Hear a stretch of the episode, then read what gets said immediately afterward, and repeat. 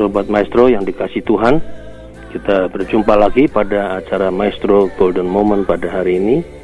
Suatu persekutuan yang indah, para senior seniorita juga sobat-sobat Maestro di mana pun berada, kita ada dalam pikiran, perasaan, hati, dan tujuan yang sama. Kita ingin mengarahkan hati kita kepada Kristus pada acara ini juga sehingga para lansia khususnya yang tidak bisa beribadah di rumah Tuhan bisa selalu dekat dengan Tuhan. Dan hari ini kita akan belajar kembali firman Tuhan yaitu perbuatan kasih, perbuatan cinta kasih ya.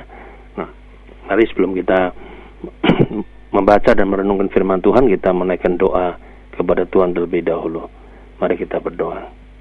Ya Tuhan, bukalah seluruh pikiran, hati, perasaan dan hidup kami di hadapan Tuhan sehingga masuklah kuasa Roh Kudus dalam diri kami untuk menerangkan firman yang sangat indah. Firman yang menjadi tema yang utama, tema kasih, tema yang sentral dalam keteladanan Kristus. Sehingga kami, ya Tuhan, dalam rangka mempersiapkan diri kami mungkin karena kami sudah berusia lanjut, kami mungkin juga tahu bahwa satu saat kami akan berakhir dalam kehidupan baka bersama dengan Tuhan. Dan sebelum itu kami ingin melakukan banyak hal. Kami mau berbuat cinta kasih dalam hidup kami masing-masing. Sehingga kemuliaan Tuhan akan nampak dalam diri kami. Dan kami sungguh-sungguh melakukan kehendak Tuhan. Kami boleh berdiakonia sosial dalam hidup kami masing-masing. Terima kasih Tuhan, inilah doa kami, berkati hambamu, roh kudus juga tolong dia dalam menguraikan sabda Tuhan dan menyempurnakan seluruh kesiapannya memberitakan firman. Dalam nama Tuhan Yesus kami berdoa. Amin. Sobat Maestro yang dikasih Tuhan, kita pada hari ini mau membaca dari Injil Yohanes pasal 12, Yohanes pasal 12 ayat 1 sampai dengan ayat yang ke-8 ya. ya, ya. Yohanes pasal 12 ayat yang pertama sampai 8 dan hari ini kita memasuki minggu-minggu ya yang sebentar lagi pada dua minggu lagi kita akan merayakan Jumat Agung dan Paskah ya. Minggu Via Dolorosa kita menjalani menapak tilasi jalan salib bersama Kristus. Yesus diurapi di Betania ya. Yohanes 12 ayat 1 sampai 8 enam hari sebelum Paskah Yesus datang ke Betania tempat tinggal Lazarus yang dibangkitkan Yesus dari antara orang mati. Di situ diadakan perjamuan untuk dia dan Marta melayani. Sedang salah seorang yang turut makan dengan Yesus adalah Lazarus. Maka Maria mengambil setengah kati minyak narwastu murni yang mahal harganya, lalu meminyaki kaki Yesus dan menyekanya dengan rambutnya dan bau minyak semerbak di seluruh rumah itu. Tetapi Yudas Iskariot, seorang dari murid-murid Yesus yang akan segera menyerahkan dia berkata, Mengapa minyak narwastu ini tidak dijual 300 dinar dan uangnya diberikan kepada orang-orang miskin? Hal itu dikatakannya bukan karena ia memperhatikan nasib orang-orang miskin, ya, melainkan karena ia adalah seorang pencuri. Ia sering mengambil uang yang disimpan dalam kas yang dipegangnya. Maka kata Yesus, biarkanlah lakukan hal ini mengingat hari penguburanku. Karena orang-orang miskin selalu ada pada kamu. Tetapi aku tidak akan selalu ada pada kamu. Ya. Demikianlah sabda Tuhan yang berbahagia adalah mereka yang mendengarkan firman Tuhan serta melakukannya dalam hidup yang sehari-hari. Saudara-saudara, perbuatan cinta kasih itu tema kita pada hari ini. ya. Kalau kita ingat cinta kasih ini kita ingat Bunda Teresa ya. Bunda Teresa itu pernah mengatakan bahwa penyakit yang paling berbahaya di dunia ini bukanlah sakit kusta atau sakit TBC atau paru-paru, tapi penyakit kurang kasih sayang. Dunia butuh kasih sayang. Bunda Teresa belajar dari keluarganya, lahir di, di sebuah kota di Makedonia, Makedonia ya ayahnya itu ayah seorang kontraktor yang sukses terkenal ya eh, di mana dia tiga bersaudara di keluarga itu tapi pada umur 12 tahun dia sudah punya tekad untuk membantu orang-orang miskin sebagai jalan hidupnya, gaya hidupnya. Dan kemudian ternyata kita tahu bahwa Bunda Teresa itu mengabdikan hidupnya di India untuk melayani orang-orang yang miskin ya. Nah, saudara-saudara, pada waktu pada waktu ada pada waktu ada orang yang ingin belajar mau menjadi seperti Bunda Teresa, orang tersebut minta untuk mewawancarai Bunda, ya, minta info dari Bunda. Tapi Bunda Teresa menolak menceritakan perbuatan baiknya, ya. Ia tidak minta dikagumi, tapi ia malah mengajak orang tersebut untuk ikut saja, ikut membantu. Ayo melakukan kasih sayang sebab tidak banyak waktu untuk cerita atau berbicara. Ya. Perbuatan kasih sayang menolong orang terlantar menjadi lebih baik. Dunia membutuhkan kasih. Ya. Tidak ada banyak orang yang beranggapan bahwa dunia membutuhkan kasih. Tapi ada banyak orang yang beranggapan bahwa dunia itu butuh uang. Artinya dengan punya uang banyak, harta benda banyak, maka seolah-olah semua kehidupan jadi oke. Okay Memang uang atau harta benda yang lainnya dapat memberi rasa aman dan nyaman bagi kita sebagai pemiliknya. Ya. Karena itu banyak orang yang sebagian besar menghabiskan waktu tenaganya untuk mencari mengumpulkan materi, materi dan materi dalam batas tertentu lalu kemudian dia mengatakan oke okay, ya wajarlah gitu tetapi banyak orang yang mencari dan mengumpulkan harta benda itu justru terjerumus dalam keserakahan dan tidak peduli pada sesama. Artinya, tidak pernah ada rasa kasih sayang dari orang-orang seperti itu. Kenapa? Karena selalu ada yang ingin dimiliki lagi lebih daripada yang sudah dimiliki. Sehingga perasaan kasih sayang itu tidak lagi ada dalam kehidupan orang-orang seperti itu. Ya. Dan oleh sebab itu kehidupan dunia ini menjadi rusak.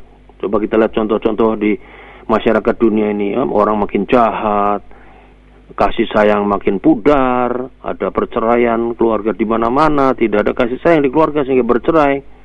Lalu belum lagi kenakalan anak-anak menjadi-jadi, belum lagi banyak premanisme, segala macam lah itulah yang terjadi dalam kehidupan kita di masyarakat. Kenapa? Karena kehidupan itu rusak. Karena yang dipikirkan cuma uang, uang, dan uang, materi. Seolah-olah dengan uang yang banyak, hidup itu oke. Okay. Nah, saudara-saudara, bertolak belakang dari keserakahan dan ketidakpedulian itu, justru cinta kasih itu mendorong kita untuk memberi dan melepaskan apa yang kita miliki. Dan melalui bacaan kita pada hari ini, kita melihat bagaimana itu terjadi. Ya, Oh, bagaimana Maria mencurahkan dirinya, waktunya, tenaganya, uangnya untuk memberi sesuatu pada Kristus. Ya bahkan dirinya sendiri. Cinta dan semangat untuk memberi harusnya kita kobarkan dan menjadi gaya hidup kita. Ya, sehingga khususnya pada hari-hari raya kita memasuki masa masa sengsara ini kita justru bisa melakukan banyak gerakan berdiakonia sosial. Nah, saudara-saudara apa yang kita renungkan pada hari ini yaitu yang dari kisah Yohanes 12 ayat 1 sampai 8, yaitu yang pertama adalah kita itu artinya kita itu harus memelihara cinta kasih di tengah bahaya matinya perasaan cinta seperti kata Bunda Teresa tadi, ya. Dunia itu butuh kasih sayang, itu penyakit kurang kasih sayang itu ada di dunia sekarang ini. Ya. Bahaya matinya cinta kasih itu hampir mirip seperti yang dialami Yudas. Ya, saudara-saudara, saudara pernah uh, menonton TV kan? Kalau sekarang mungkin TV tidak terlalu populer untuk ditonton. Kalau zaman dulu tuh TV populer. Dulu ada acara siaran televisi di SCTV tahun 2004 ya, dimulai 2004 nih. Itu acara minta tolong.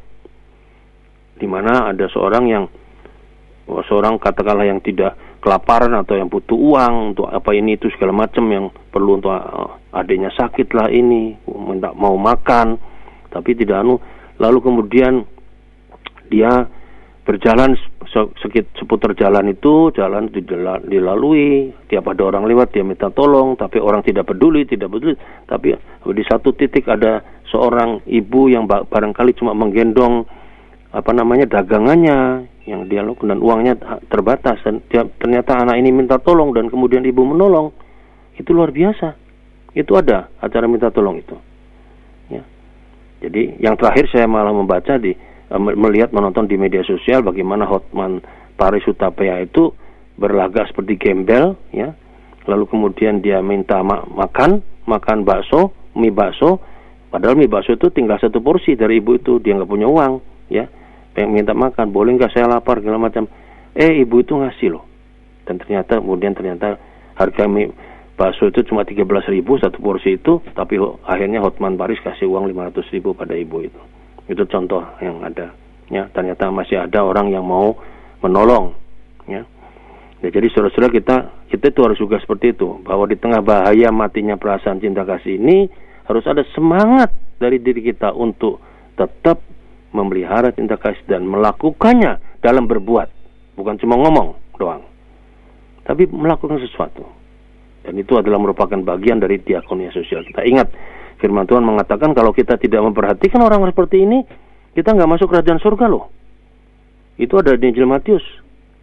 Kalau kita tidak mau melihat orang-orang yang hina dina ini dan kita tidak mau menolong mereka, di wajah mereka ada wajah Yesus yang kita nggak tolong. Dan itu berarti apa? Kita akan nggak akan masuk dalam kerajaan Allah.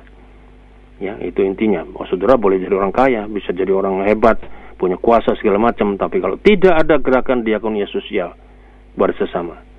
Kita tidak pernah akan masuk dalam kerajaan Allah yang mulia.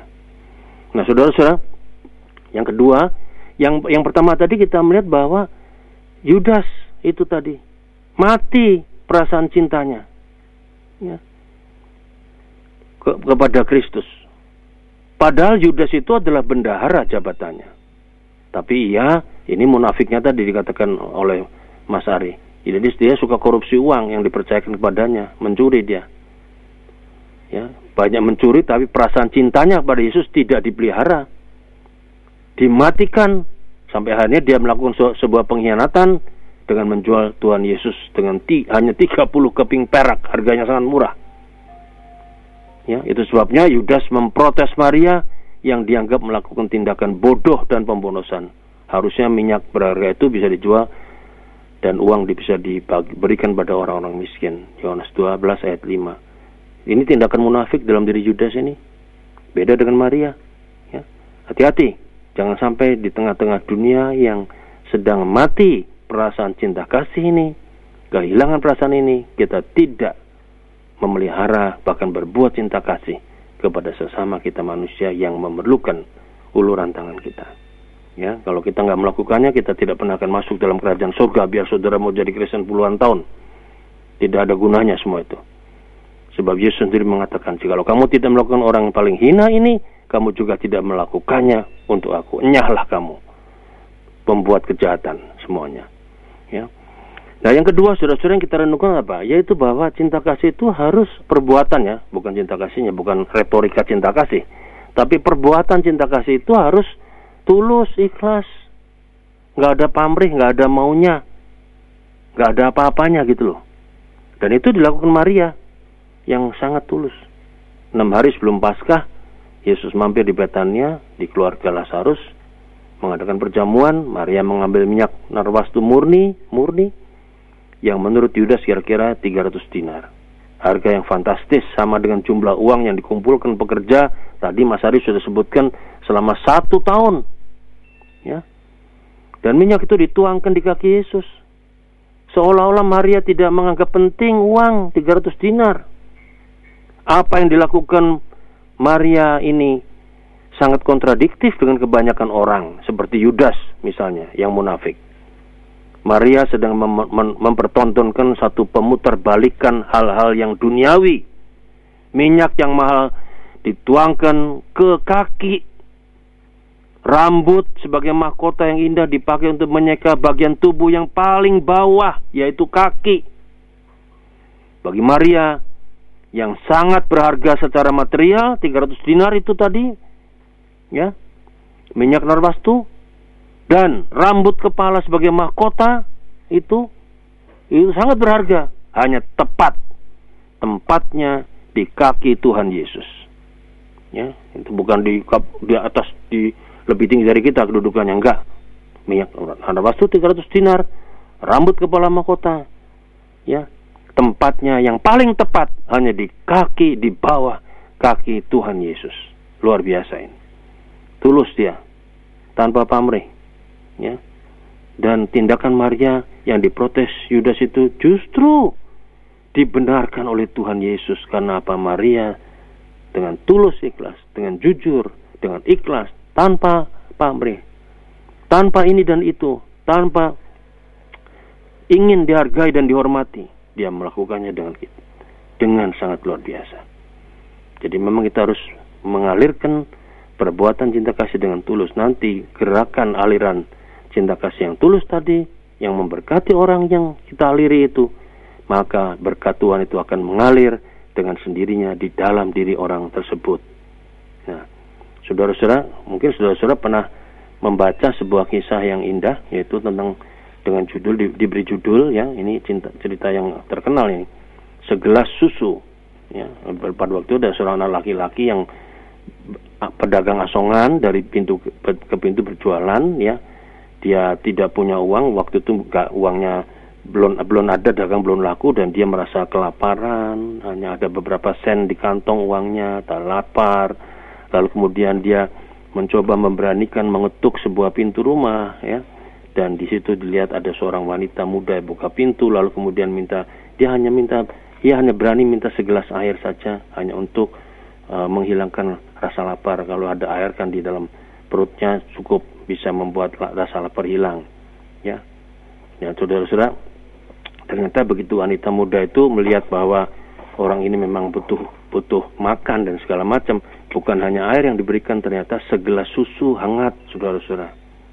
Dan anak asongan itu anak pada anak yang berdagang asongan itu minum pelan-pelan dan kemudian dia setelah selesai minum kemudian berapa saya mesti membayar uh, segelas susu ini. Ya saya hanya punya beberapa sen saja.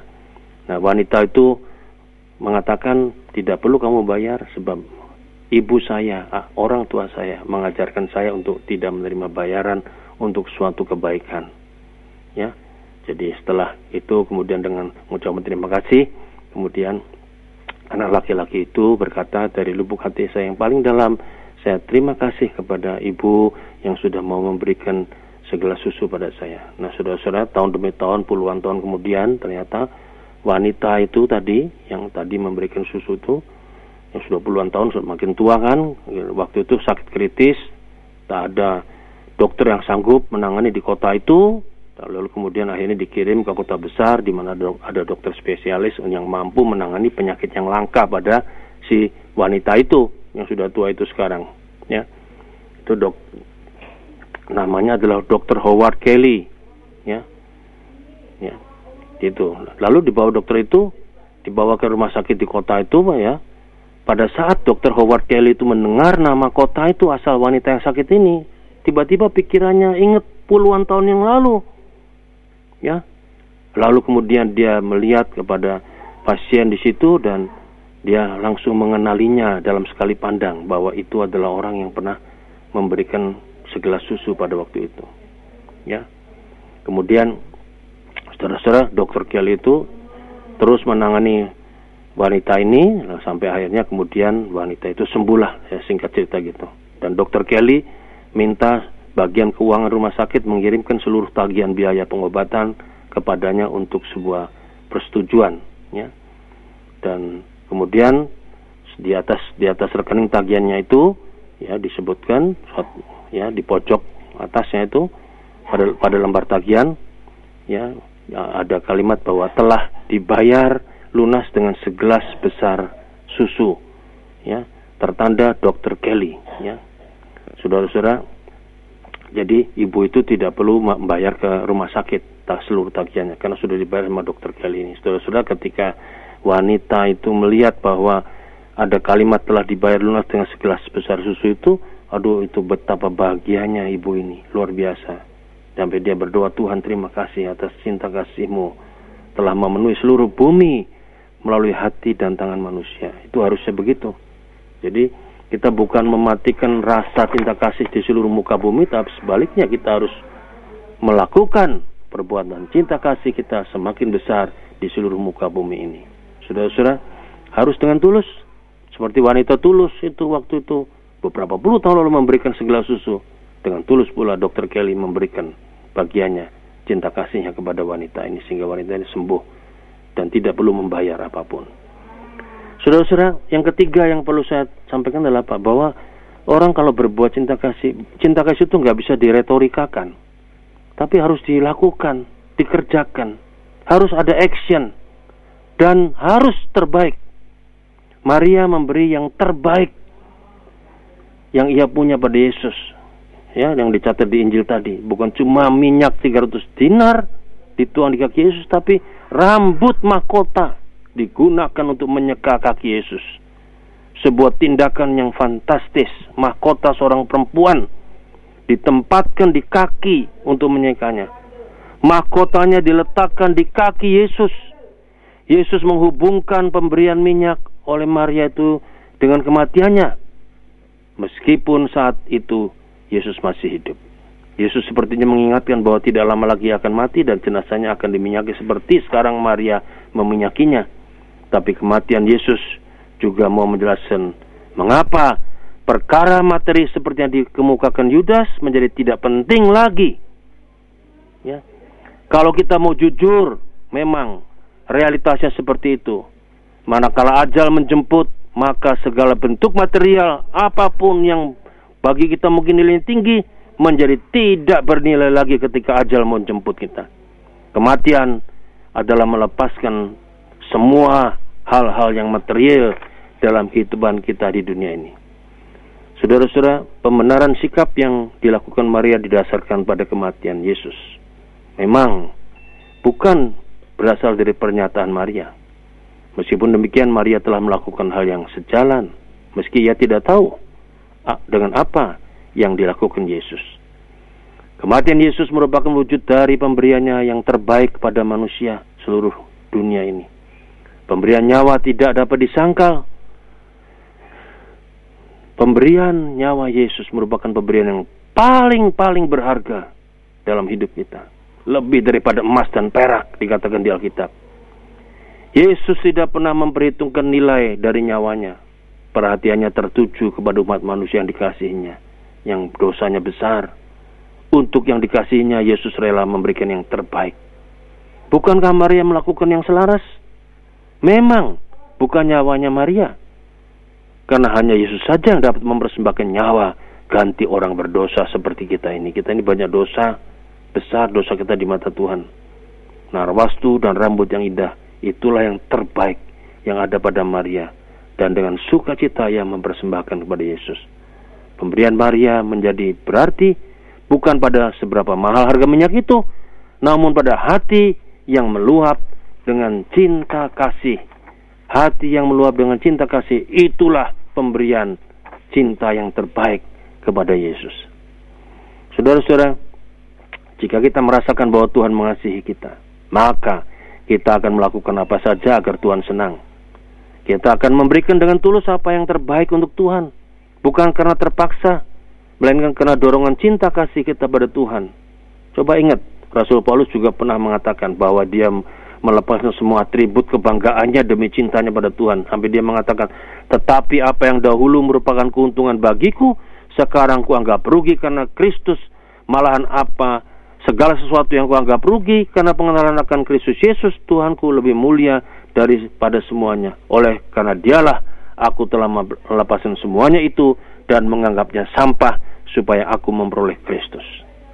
Saudara-saudara, kita harus bisa meneladani cara pandang dan tindakan nyata seperti Maria atau juga Paulus tadi. Tidak ada lagi materi yang menjadi tujuan hidup kita.